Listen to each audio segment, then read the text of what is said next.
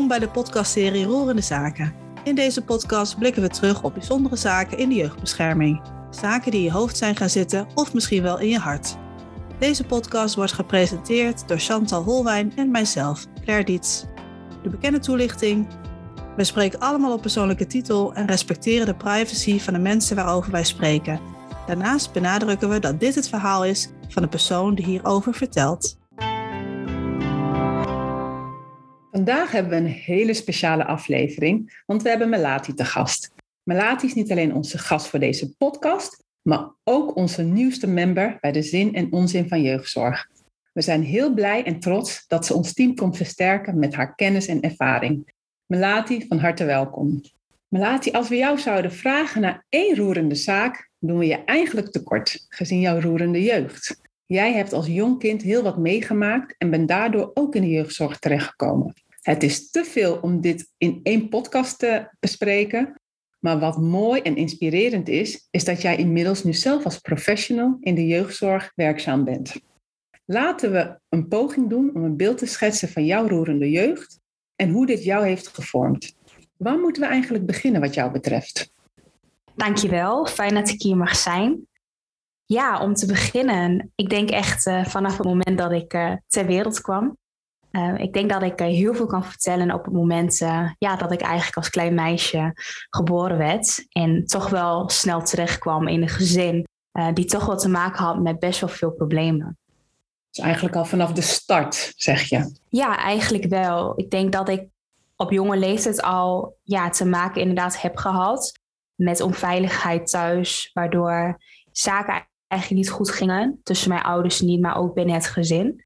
En dat heeft er eigenlijk wel op vrij jonge leeftijd ervoor gezorgd dat ik inderdaad uit huis ben geplaatst. En voor een groot deel in mijn leven uh, in een pleeggezin uh, ben opgegroeid. Kan je iets uh, vertellen over de problemen die dan bij jou thuis speelden? Om een beetje een beeld te geven aan de luisteraars. Ja, in mijn situatie was het al ja, eigenlijk de situatie zo dat mijn ouders al te maken hadden met uh, zowel vrijwillige hulpverlening als met gedwongen hulpverlening. Ze waren dus ook niet uh, onbekend uh, binnen het sociale domein. Maar als je denkt aan bepaalde problemen, kan je inderdaad denken aan huiselijk geweld, vooral ook veel armoede. maar eigenlijk de voornamelijkste reden is toch wel niet de ouder kunnen zijn die je als kind nodig hebt. Dus toch het stukje veiligheid bieden, warmte, structuur dat was wel echt iets wat ontbrak binnen mijn gezin. Ja, je zegt ook daarbij, hè, dit alles heeft gemaakt dat thuis opgroeien niet mogelijk was. Klopt. Omdat je in een pleeggezin bent, verder bent opgegroeid. Ja, uiteindelijk is het zo dat uh, nou ja, de hulpverlening heeft natuurlijk gesignaleerd dat het niet goed ging. En um, voor mij, maar ook voor andere kinderen in het gezin, was het daarom beter om uit huis geplaatst te worden omdat zij eigenlijk toch wel niet uh, ja, kansen zagen, in ieder geval niet op korte termijn, om thuis op te kunnen groeien. En uh, daarmee kreeg ik dus ook inderdaad een OTS uh, en ben ik ook per direct uit huis geplaatst. En hoe oud was jij toen dat ehm, gebeurde, zeg maar? Toen de OTS kwam en de uithuisplaatsing?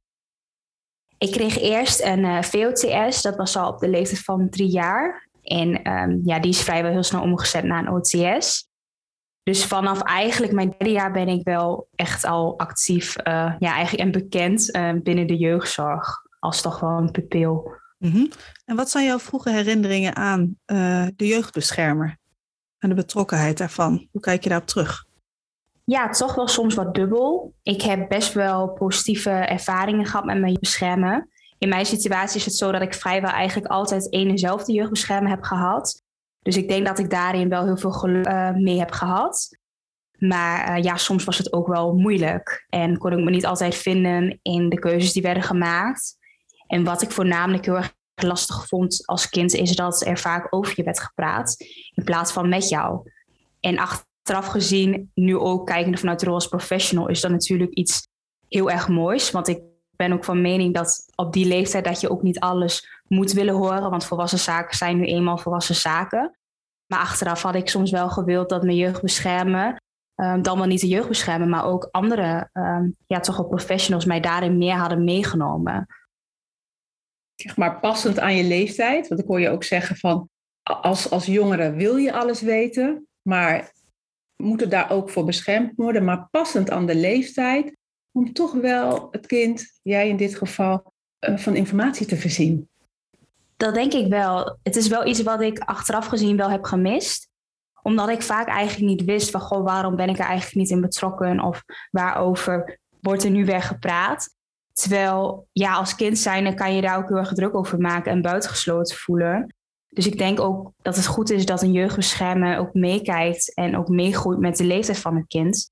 En ja, soms lukt dat ook niet altijd, want ja, soms is de informatie ook gewoon heftig. Maar vooral ja, een stukje betrokkenheid.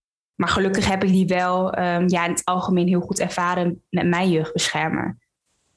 En de periode dat jij nog bij je ouders uh, woonde, hoe heeft jou dat gevormd, als je daarop terugkijkt? Ik denk wel dat ik nu vandaag de dag heel anders in het leven sta. Ik um, heb bijvoorbeeld gezien hoe het is en ook gevoeld um, als je arm opgroeit. Dus voor mij is dat wel een bepaalde trigger geweest naarmate ik ouder werd om bijvoorbeeld wel te gaan studeren, om wel onafhankelijk te zijn, eigen geld te verdienen. Omdat ik wel van mening ben dat, nou ja, hè, scholing hoeft niet alles te betekenen, maar ik wist wel heel goed dat ik niet, althans zeg nooit nooit, uh, maar niet in een positie zou willen staan dat ik achter in de rij bij de voedselbank zou staan. Dus het heeft mij heel erg gemotiveerd om juist doordat ik eigenlijk een voorbeeld heb gezien van mijn ouders, um, hoe ik het eigenlijk niet wou, hoe zij leefden en, en waar zij ook waarde aan hechten, dat heeft er echt voor gezorgd dat ik ging kijken van, goh, maar dat is wat ik eigenlijk niet wil voor mijn toekomst. En hoe kan ik het wel doen? Dus ik heb er wel, denk ik, heel veel kracht uit gehaald. Maar voordat ik op dat punt kwam, kostte mij dat wel veel tijd. Want wanneer was je op dat punt dat je dat, want dat is best een bewuste keuze, of in ieder geval bewustwording van hé, hey, ik wil het anders doen mijn, dan mijn ouders. Bij wat, ja, wat voor leeftijd moet ik dan denken? Ik denk dat dat pas kwam echt na de middelbare school, na de HAVO. Um, het kwam eigenlijk al in die situatie, in die tijd, um, begon ik ooit op HAVO-VWO, was ik flink afgestroomd, ging ik weer naar boven. En toen werd er eigenlijk gezegd um, binnen school van, hey, je hebt een rugzakje en je wil een andere toekomst. En dat heeft mij heel erg aan het nadenken gezet. Van, goh, ik kan overal tegen ingaan, niet meer één zijn. Maar um, ik heb wel invloed op mijn eigen leven. En uiteindelijk ben ik ook in gesprek gegaan met biologische familieleden van mij. Hoe zij dat hebben ervaren. En um, zie je gewoon dat een ieder van ons een ander pad opgaat. En voor mij is dat heel erg de trigger geweest van... Ik heb mijn verleden, er zijn dingen gebeurd, maar dat je een bepaalde keuze maakt om een weg in te slaan, hoeft niet altijd verkeerd te zijn. Alleen in mijn situatie was dat niet per se mijn pad. Dus ik denk echt in gesprek gaan met andere mensen, maar ook bij jezelf nagaan wie je eigenlijk wil worden. Um, ja, en op die leeftijd weet je dat gewoon niet. En uh, ik heb toen van alles geprobeerd, uh, school, uh, werken, niet werken. Maar uiteindelijk kwam ik wel op een punt dat ik dacht van, hé, hey, uh, ja, school ligt me goed, ik kan goed leren. En ik merkte ook dat mensen het interessant vonden van god, hetgeen wat ik had meegemaakt. En toen ja, kwam ik eigenlijk op het punt dat ik dacht van hé, hey, maar hoe mooi is het om zelf in deze richting te gaan studeren en andere mensen daarin te begeleiden, te ondersteunen die in een soort gelijke situatie misschien hebben gezeten als ik. En, en hoe heeft het pleeggezin je aan bijgedragen? Want je zegt, oké, je bent een pleeggezin opgegroeid. Was dat één, ben je in één pleeggezin terechtgekomen of verschillende? Want dat hoor je natuurlijk ook vaak. Hoe is dat bij jou gegaan? Ik ben in één pleeggezin echt opgegroeid. Dus achteraf gezien is dat ja, iets heel erg moois en ook zeer waardevol. En ik zie ook zeker in, mijn pleegfamilie heeft mij altijd ja, echt onvoorwaardelijk gesteund. Heel erg gemotiveerd om naar school te gaan. Ehm, ja, eigenlijk je vriendjes en vriendinnetjes te hebben. Uh, maar ook om gewoon kind te zijn. Dus hoewel ik eigenlijk die van binnen wel wist dat mijn situatie uh, ja, toch wel anders was dan eigenlijk bijna iedereen die destijds in mijn klas zat, probeerde zij wel echt ja, mij zoveel mogelijk een goede jeugd te geven. En ja, soms was dat heel erg moeilijk en hadden we heel veel conflicten thuis. Maar er waren ook natuurlijk periodes uh, dat het wel heel goed ging. Het ging altijd eigenlijk met ups en downs. Alleen ik denk niet dat het heel veel verschilt als binnen een, ja, een normaal gezin tussen haakjes. Nee, dat klopt. Dat wilde ik net zeggen. Want ja, ik denk dat menige ouders, ik zelf ook, kinderen in de leeftijd van de puberteit gaat ook met, met ups en downs. Mooi dat je zegt, hè, van daarin was er bij jou in ieder geval niet veel verschil. Zeker. Ik denk zeker in mijn puberteit uh, was ik echt wel een flinke puber. Ook heel wel, ja, toch wel zoekende naar mijn identiteit, uh, mijn pleegfamilie. Ja, zijn Nederlandse pleegouders. Ik kom zelf vanuit een multiculturele achtergrond. Dus ook bepaalde normen en waarden ja, botsten ervoor. En botsten tegen elkaar aan. Waardoor je toch wel ja, niet goed weet wie je bent. En ik zeg wel eens van, ik groeide eigenlijk op in twee families binnen twee werelden. Waarvan echt, het zijn eigenlijk twee uitersten van elkaar. Het zijn twee tegenovergestelde families. En een voorbeeld daarvan is op het moment dat ik een familieuitje heb met mijn pleegfamilie, gaan we ergens gezellig naar de dierentuin. Gingen we samen zwemmen. Maar op het moment dat ik bijvoorbeeld een bezoekregeling had met mijn ouders, was daar geen budget voor. Dus ja, soms was een uitje dan ook om gewoon naar de voedselbank te gaan of naar de kledingbank. En dat zijn dan wel, ja, toch wel situaties waar je als kind elke keer tussenin begeeft en daarin probeert een weg te zoeken. Ja, want daarin kan je zeggen dat jij wel net een andere soort puberteit hebt gehad dan even de gemiddelde puber. Hè? Want ontdekken van wie je bent, uh, grenzen verkennen, et cetera, dat zijn natuurlijk ook gewoon aspecten die bij puberteit horen. Maar jij hebt wel met meerdere dimensies te maken vanuit jouw situatie. En hoe um, zag het contact zeg maar, tussen jou en je ouders eruit vanaf de uithuisplaatsing? Ik weet vanaf de uithuisplaatsing was het eigenlijk nog niet toegestaan dat ik mijn ouders zou mogen zien. Dat heeft dus best wel enige tijd geduurd voordat daar eigenlijk iets op gang kwam. Was dat voor jou ook duidelijk waarom jij je ouders niet kon zien op dat moment? In het begin nog niet helemaal, want ik was natuurlijk echt een jaar of drie, vier. Maar toen ik ouder werd, werd het mij wel goed uitgelegd, denk ik, voor die leeftijd, um, waarom dit eigenlijk niet kon. Maar ja, ik denk dat ik achteraf misschien nog wel te jong was om dat, dit te begrijpen. En wat was die reden dan? Dat er geen contact kon zijn? Want het is een behoorlijke uh, beslissing. Ja. En heeft behoorlijk impact op jouw leven. Ja, het was eigenlijk zo dat mijn ouders uh, het niet eens waren met mijn huisplaatsing. Zij vonden dat jeugdzorg verkeerd heeft gehandeld, uh, naar hun mening. Dit maakte eigenlijk, ja, dat zorgde ervoor dat er wrijving ontstond tussen mijn ouders en eigenlijk de organisatie. Daarbij kwam dat ja, zij vinden dat ik onterecht het huis ben geplaatst. Alleen, ja, jeugdzorg heeft op dat moment wel iets anders gesignaleerd. Um, dat de situatie dus daar nog, dreigend voor mij was. Ook uh, op het moment wanneer ik in een pleeggezin zou opgroeien, wat in ja, mijn geval ook zo was. Dus zij zagen daar, ja, ze keken daar wel anders tegenaan dan mijn ouders, omdat zij toch, ja, misschien bang waren uh, dat het met mij, dat het niet goed zou zijn voor mijn ontwikkeling om ze in ieder geval op dat moment, ja, te zien of te ontmoeten. Heeft dat lang geduurd? Was er dus eigenlijk totaal geen contact? Uh, ook geen telefoon of brief? Ik weet dat het, het in het begin was er sprake echt van geen contact. Naarmate ja, eigenlijk de tijd uh, verstrekte, was er sprake van een kaartje en had ik ook belmomenten. En dat is uiteindelijk langzaam opgebouwd naar echt een omgangsregeling. Dus bezoeken van mijn ouders. En in het begin vond dat eigenlijk altijd plaats op kantoor. Um, dan wel niet onder toezicht. En ja, echt jaren verder um, werd het eigenlijk ja, toch een zelfstandige bezoekregeling. Je vertelt het heel erg duidelijk, hè? Um, ben je altijd zo'n krachtige jonge dame of, of kind geweest? Ik denk het niet. Ik denk dat het echt iets is wat ja, gaandeweg is ontstaan. Ik merkte als kind dat ik heel veel te maken had met teleurstellingen. Ook naar mijn ouders toe, naar mijn familie, soms ook binnen de hulpverlening.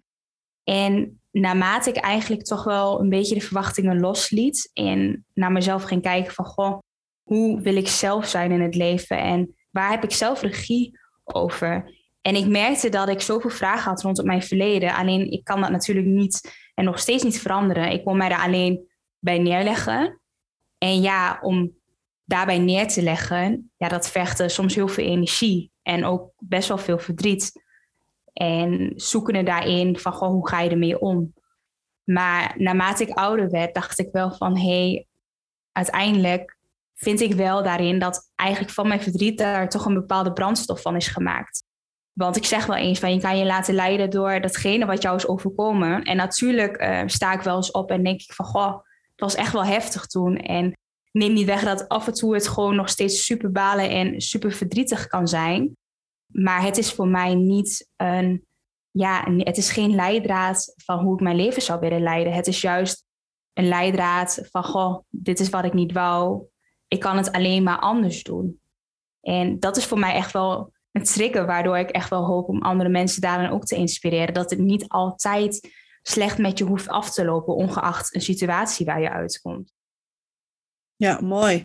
En we horen vaker natuurlijk, hè, kinderen die, uh, zoals in jouw situatie, heel veel hebben meegemaakt en dat die cirkel willen doorbreken. Uh, maar dat het ook ontzettend moeilijk is om dat te doen. Want uh, het is natuurlijk moeilijk als je zelf niet de basis hebt gehad om vanuit daar uh, goed op te gaan bouwen. Hoe is dat jou gelukt? Ik denk dat in mijn situatie ik wel geluk heb gehad dat ik in één pleeggezin ben opgegroeid. En daar op jonge leeftijd al toch wel de warmte en veiligheid meekreeg van een familie. Ik denk dat dat mij echt vooruit heeft geholpen. Ook nou ja, naarmate ik naar school ging, naarmate ik vriendschappen ging sluiten. Um, dus ik ben heel erg blij dat ik toch wel enigszins die basis heb gehad. Maar ik heb ook wel gezien binnen mijn eigen biologische familie, op het moment dat de basis er niet is, op het moment dat je op oudere leeftijd uit huis wordt geplaatst, is de band ook met uh, andere pleegouders ook weer anders. Voor mij persoonlijk uh, was ik in het begin heel erg jong en zag ik het echt als mijn ouders. Terwijl uh, mijn broer of zus was een stuk ouder. En dan beleef je natuurlijk ook ja, toch op een ander niveau. Uh, waardoor misschien, uh, nou ja, in hun geval uh, het echt werd gezien als verzorgers. Um, dus ik denk ook dat vooral die basis heel erg belangrijk is. En um, ik kan nu wel zeggen dat ik gewoon een hele goede opvoeding heb gehad. En ik denk ook echt, juist door mij zoveel mogelijk kind te laten zijn, ja, dacht ik ook niet eigenlijk altijd aan mijn situatie. En werd ik daar ook van afgeleid. En ik denk dat het eigenlijk alleen maar goed is geweest. Wauw. Ik word er een beetje stil van. wat je ook zegt, dat is wat mij net uh, raakte, is dat je zei dat je van je verdriet eigenlijk brandstof hebt gemaakt. Ja. Echt heel krachtig, ja. Ja, dat is wel echt hoe ik het zie. En ik krijg wel eens de vraag van, goh, je staat altijd zo positief in het leven en hoe doe je dat dan? Um, maar juist door bewust te zijn van datgene wat ik heb meegemaakt, en nog vaak genoeg waar kom ik ook mezelf tegen. Dan wel niet in mijn privéleven als in soms werkgerelateerde zaken. Maar aan het einde van de dag haal ik daar toch weer heel veel energie uit. En denk ik toch dat ik het anders kan doen. Nou, niet dat je denkt dat je het anders kan doen, je doet het anders. Dankjewel. En als we meteen, want je zegt niet alleen in privé, maar ook in werk, even een bruggetje maken daar naartoe. Want je bent ook een professional. Er is een moment gekomen dat je dacht, ja, ik kan ook iets betekenen. Ik ga een andere kant op. Hoe, hoe is dat zo ontstaan en, en hoe gaat dat als professional? Het is eigenlijk, denk ik, achteraf gezien wel op jonge leeftijd ontstaan. Ik uh, woon altijd dicht bij een asielzoekerscentrum. En ik vond het op jonge leeftijd heel erg interessant van goh, waar komen andere mensen vandaan. Heel erg nieuwsgierig naar andere culturen. Ik wist ja, heel goed destijds wat ik niet wou, maar minder goed wat ik wel wou. Dus na de middelbare school besloot ik eigenlijk ook te gaan reizen. En heb ik vrijwilligerswerk gedaan in het buitenland. En ik werd daarin eigenlijk zo erg ja, geïnteresseerd in andere mensen. Dat ik heel benieuwd was van, goh, wat gaat er eigenlijk achter iemand schuil? Wat is zijn of haar verhaal? En ja, iemand bij thuiskomst uh, schreef me in voor een opleiding. En ik begon eigenlijk uh, in de gehandicaptenzorg, wat ik achteraf leuk vond, maar het past toch niet helemaal. Maar dat ik wel iets in het sociale domein wil blijven doen, ja, dat wist ik gewoon. Ik voelde het aan alles. En uh, ja, ik denk ook uh, dat het een hele mooie keuze is geweest om die weg in te slaan. Maar soms uh, is het best lastig als professional met ervaring, omdat je gewoon veel te maken hebt met toch wel een stukje stigmatisering, bevooroordeling. maar ik merk ook wel in de praktijk dat er misschien toch wel een licht taboe op heerst. En wat bedoel je met taboe uh, en bevooroordeling? Ja, ik weet niet of ik het echt een taboe kan noemen. Maar ik merk wel op het moment dat, zoals ik, ik heb natuurlijk mijn eigen ervaring. is voor mij altijd in het begin even afwegen van hè, vertel je het wel, vertel je het niet. Mm, omdat je toch wel die van binnen een bepaalde angst hebt van hé, hey, straks zien ze mij alleen maar als ik, Melati, als destijds cliënt. En word ik niet gezien als de volwaardige professional en persoon die ik vandaag de dag ben geworden. Dus ik denk dat dat ook heel veel moed vanuit de persoon vereist, maar ook een stuk vertrouwen vanuit de werkgever. Uh, ik heb wel eens gehoord van andere mensen die ook werken als professional, ook met ervaring, dat zij dan wel eens open zijn over nou ja, hun thuissituatie.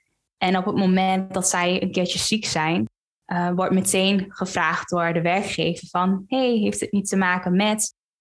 Wat eigenlijk een hele normale vraag is, maar door de manier van vragen stellen kan het soms voor de ander heel bevooroordelend overkomen. Want ja, laten we eerlijk zijn, niemand verwacht als jij naar de psycholoog gaat dat jouw eigen psycholoog misschien voor twee jaar terug een dikke burn-out heeft gehad. Het is gewoon die plaatjes en dat naast elkaar leggen. Ja, het klopt vaak niet in ons hoofd. En ik denk dat we dat eigenlijk een beetje moeten zien te doorbreken. Want ook wij, uh, werkzaam als professionals in de jeugdzorg, als jeugdbeschermer, neem niet weg dat wij zelfs als jeugdbeschermer te maken hebben met uh, misschien wel eigen hulpverlening binnen het gezin. Dus toch wel, ja, die verbinding met elkaar blijven zoeken. Maar daarmee zeg je eigenlijk dat uh, jouw ervaring jou juist tegen zou kunnen werken in je, het werk als professional?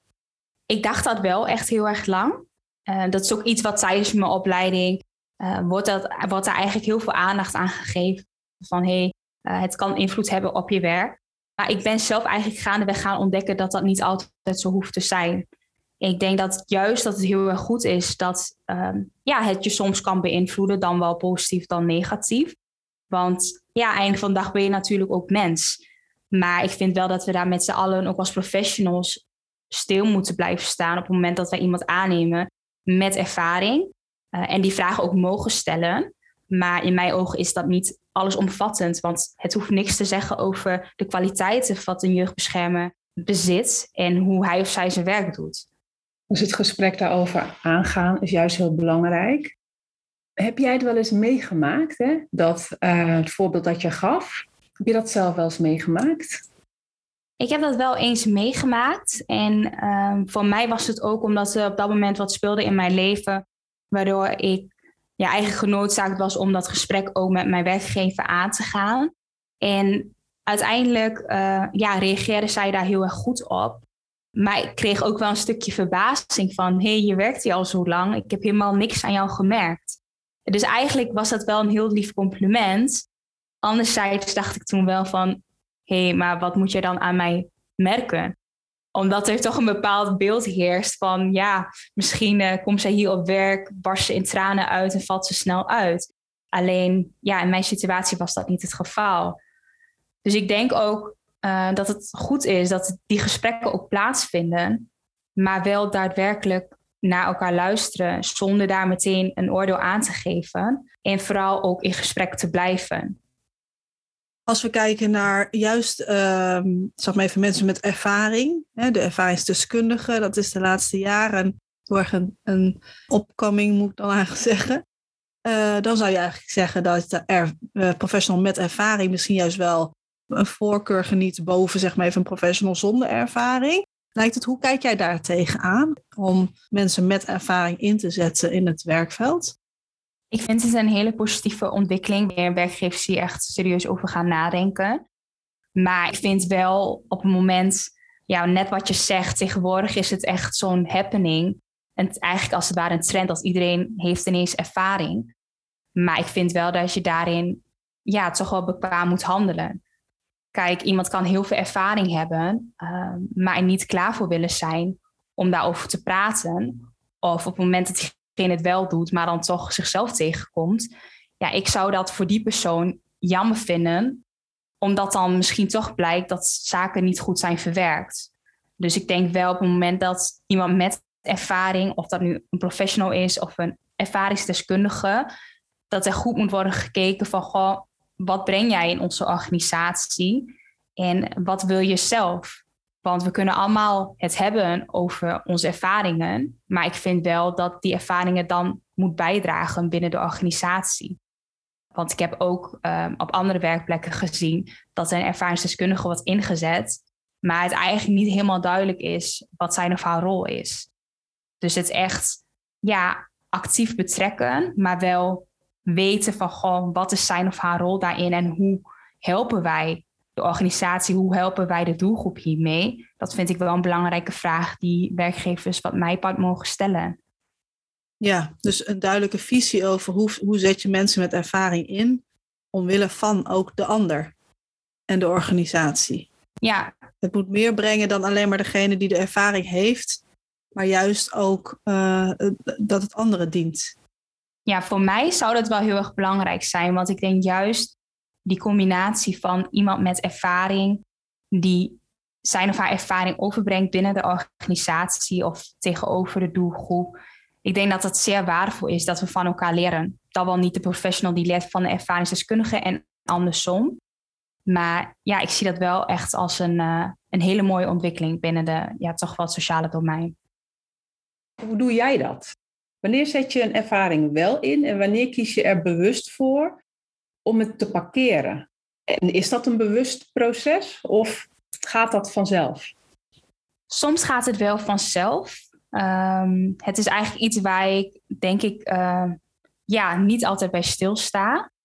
Maar ik heb bij mezelf heel erg gemerkt dat er voor mij bepaalde voorwaarden moeten zijn binnen een werkplek. Wil ik daarin misschien iets over kwijt? Voor mij betekent dat wel een stukje veiligheid, uh, betrokkenheid, maar ook verbinding uh, met je werk, met je cliënten. Kijk, en op het moment dat ik uh, ben in het verleden werkzaam geweest als begeleider, maar ik had destijds zo'n klein contract, dat het voor mij ook niet zinvol was om eigenlijk mijn ervaring op dat moment met mijn cliënten te delen, omdat ik eigenlijk zo kort betrokken was. Dus dat zijn wel de afwegingen die ik dan maak. Van wat heeft de andere persoon er nu aan? Help ik diegene ermee?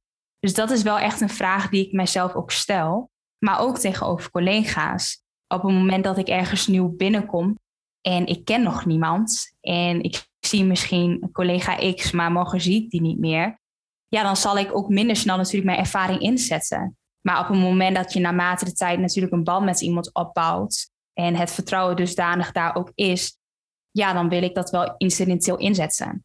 Maar ik weeg het altijd wel van tevoren goed af. Uh, het is vaak een kwestie van soms een beetje nadenken, uh, maar soms ook gewoon niet nadenken en je gevoel volgen. Ja, want jij gaat uh, binnenkort aan de slag als jeugdbeschermer. Dus eigenlijk hè, als kind binnen jeugdbescherming ga je nu even, ja, zwart-wit gezegd, naar de andere kant. En daar ga je vaak ook een langdurige samenwerking aan hè, met cliënten. Dat, dat zijn niet, vaak niet een paar eenmalige contacten en that's it. Wat voor beeld heb jij daarbij hoe jij dan als jeugdbeschermer met ervaring uh, aan de slag gaat? En hoe dat eruit ziet richting cliënten? Ik denk dat ik voornamelijk een jeugdbeschermer wil zijn die echt open, transparant is, maar vooral ook betrokken en toegankelijk. Ik heb zelf vanuit mijn eigen verleden gemerkt dat ja, niet alle jeugdbeschermers zijn even toegankelijk. Uh, op het moment als kind zijnde, althans was mijn ervaring, en je ziet iemand in pak, uh, ja, met jou een gesprek aangaan, heel serieus um, en niet altijd misschien ja, toch wel datgene willen zeggen wat jij wil horen. Um, heb ik gemerkt dat ik dat soms heel erg lastig vond. Dus in die zin toch wel meebewegen met de belevingswereld van het kind of van de jeugdige. En ik hoop daarin ook te laten zien en vooral ook te voelen dat die toegankelijkheid er ook mag zijn. En dat het soms ook oké is om niet met elkaar in gesprek te gaan. Maar vooral het stukje vertrouwen ook uitstralen naar de jeugdige toe. Want dat is gewoon zo belangrijk uh, binnen het werk, denk ik zeker als een jeugdbeschermer, maar ook gewoon binnen het werk als een hulpverlener in het sociale veld. Want als het vertrouwen ontbreekt, dan kan ik hoog of laag springen. Uh, maar dat is echt zeker wel een basisvoorwaarde om je werk toch wel goed te kunnen doen. Ja, en, dan het vertrouwen bij de jeugdigen en de ouders. Ja. ja, want daar heb je natuurlijk ook mee te maken. Op het moment natuurlijk, als je werkt als jeugdbeschermer, uh, veel, vele ouders zullen niet blij met je zijn. En uh, wat enerzijds denk ik ook heel erg begrijpelijk is, want als je je verbeeldt in de ouder. Niemand zou willen eigenlijk dat jouw kind uh, onder toezicht staat of uh, hulpverlening misschien krijgt. Maar uiteindelijk zitten we wel samen in de situatie. Dus daarin zou ik ook ouders echt wel willen meenemen. En het kan ervoor zorgen soms misschien tot hele grote discussies. Uh, en dat je het niet altijd eens bent. En dat is gewoon prima. Uh, maar zolang je het wel met elkaar allemaal communiceert. Ik hoop daarin wel ja, een soort brug te kunnen zijn. Uh, natuurlijk van mijzelf, vanuit professional, maar ook vanuit de persoon die ik ja, daarachter ben. Fijn om naar je te luisteren, Balati. Dankjewel. En wat ik, ook, uh, wat ik ook nog wel mooi vind om toe te voegen, is dat nu ik ouder ben, denk ik wel eens van, goh, wat wist ik eigenlijk over mijn jeugdbeschermen? Of wat wist ik eigenlijk van mijn pleegzorgbegeleiden? En in sommige gevallen wist ik heel veel, maar soms wist ik ook helemaal niks. En dat is eigenlijk, nu je ouder bent, denk je, dat is best wel gek, want zij weten superveel van mij, ze weten alles. Maar juist door soms ook, al is het maar een klein stukje privé, um, ja, daarmee kan je toch wel een jongere aangrijpen en juist die verbindenis zoeken. Dus dat is ook wel iets wat ik zelf graag zou willen meenemen binnen mijn eigen caseload. Wat niet wil zeggen is dat je zomaar je privé zomaar uh, op tafel gooit. Uh, maar gericht gaat kijken. En uh, ja, het begint allemaal met kleine stapjes, denk ik. Is dat ook de boodschap die je naar je collega-professionals wil doen? Een stukje menselijkheid, ja, dat zou ik ze graag wel willen meegeven. Want ik merk in de praktijk dat er altijd wel wordt gezegd van... nee, maar ik deel wel privé dingetjes en uh, ik doe dat wel. Maar ook onderling met collega's vind ik het soms ook belangrijk. Uh, er zijn gewoon collega's, hè, werk is werk en dat is prima. Maar um, soms denk ik, ja, hoe leuk zou het zijn dat je net eventjes iets meer weet over de ander. Al is het maar iets heel kleins. Uh, dat kan er wel voor zorgen dat er misschien meer verbinding komt binnen een team. Maar ook uh, tussen jou als jeugdbeschermer en jouw cliënt. Dus dat zou ik wel zeker willen meegeven om daar eens uh, misschien over na te denken. Mooi, dankjewel. Chantal, hebben wij nog vragen voor Melati? Eigenlijk is het heel volledig en heel rond, hè? Ja. Nee, Melati, welke vraag hebben we je niet gesteld? Waarvan je zegt, nou, die hadden jullie me eigenlijk wel moeten stellen. Ik zit even na te denken. um, Ja, ik denk misschien de vraag van, dat heb ik eigenlijk al een beetje gezegd, maar wat ik zou willen meegeven, zeg maar binnen de jeugdzorg. Misschien is dat wel ja, een mooie vraag nog. Ja, wat zou je binnen de jeugdzorg nog mee willen geven? We zullen hem even wat koppelen aan, aan de zin en onzin van jeugdzorg. Ja, dat is zeker. Wel leuk.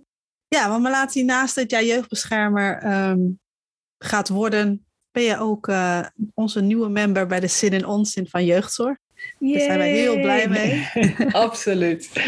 en uh, welke bijdrage kan jij uh, vanuit platform De Zin in Ons van Jeugdzorg leveren? Wat is jouw motivatie om hier aan mee te doen? Mijn grootste motivatie is toch wel om meer verbinding te zien tussen mensen met ervaring en professionals met ervaring. Ik zie in de praktijk dat het vaak een zaak is van of-of. We zijn dit of we zijn het ander. Terwijl in mijn ogen dit echt wel synchroon kan lopen. Dus ik vind het heel erg mooi om bij te kunnen dragen aan een stukje bewustwording en verandering binnen de jeugdzorg.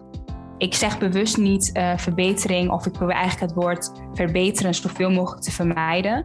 Omdat ik wel van mening ben uh, dat eigenlijk vele situaties vaak goed bedoeld zijn en niet per se slecht. Maar we kunnen het wel samen anders doen. En ik zie ook dat er niet altijd genoeg aandacht is voor het stukje ervaringsdeskundigheid, maar zeker ook ervaringsdeskundigheid als het om professionals gaat. Dus ik hoop daarin ook een brug te creëren tussen de sociale keten, uh, organisaties, maar ook hogescholen en universiteiten, want dat is wel waar het eigenlijk begint uh, als zeg maar uh, studerende jonge professional. Um, dus ik hoop dit wel samen met zin en onzin te doorbreken, waarbij ik eigenlijk ook graag de andere persoon uitdaag om het gesprek met elkaar aan te gaan. En juist door die krachten te bundelen, uh, geloof ik er zeker in dat we dan samen vooruit gaan. Niks meer aan toe te voegen. Mooi.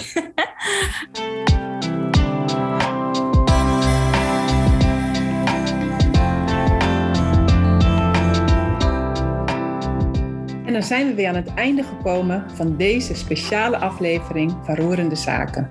We hopen dat jij opnieuw met veel interesse hebt geluisterd. Zoals altijd bedanken we onze gasten en ons nieuwste lid voor het delen van haar roerende zaak. Melati, dank je wel. Wil jij nog meer roerende zaken horen? Ze zijn allemaal te luisteren via jouw favoriete podcast-app. Deze podcastserie is onderdeel van het platform De Zin en Onzin van Jeugdzorg. Meer informatie hierover vind je op www.zo-jeugdzorg.nl. Voor nu een fijne dag gewenst en graag tot de volgende roerende zaak.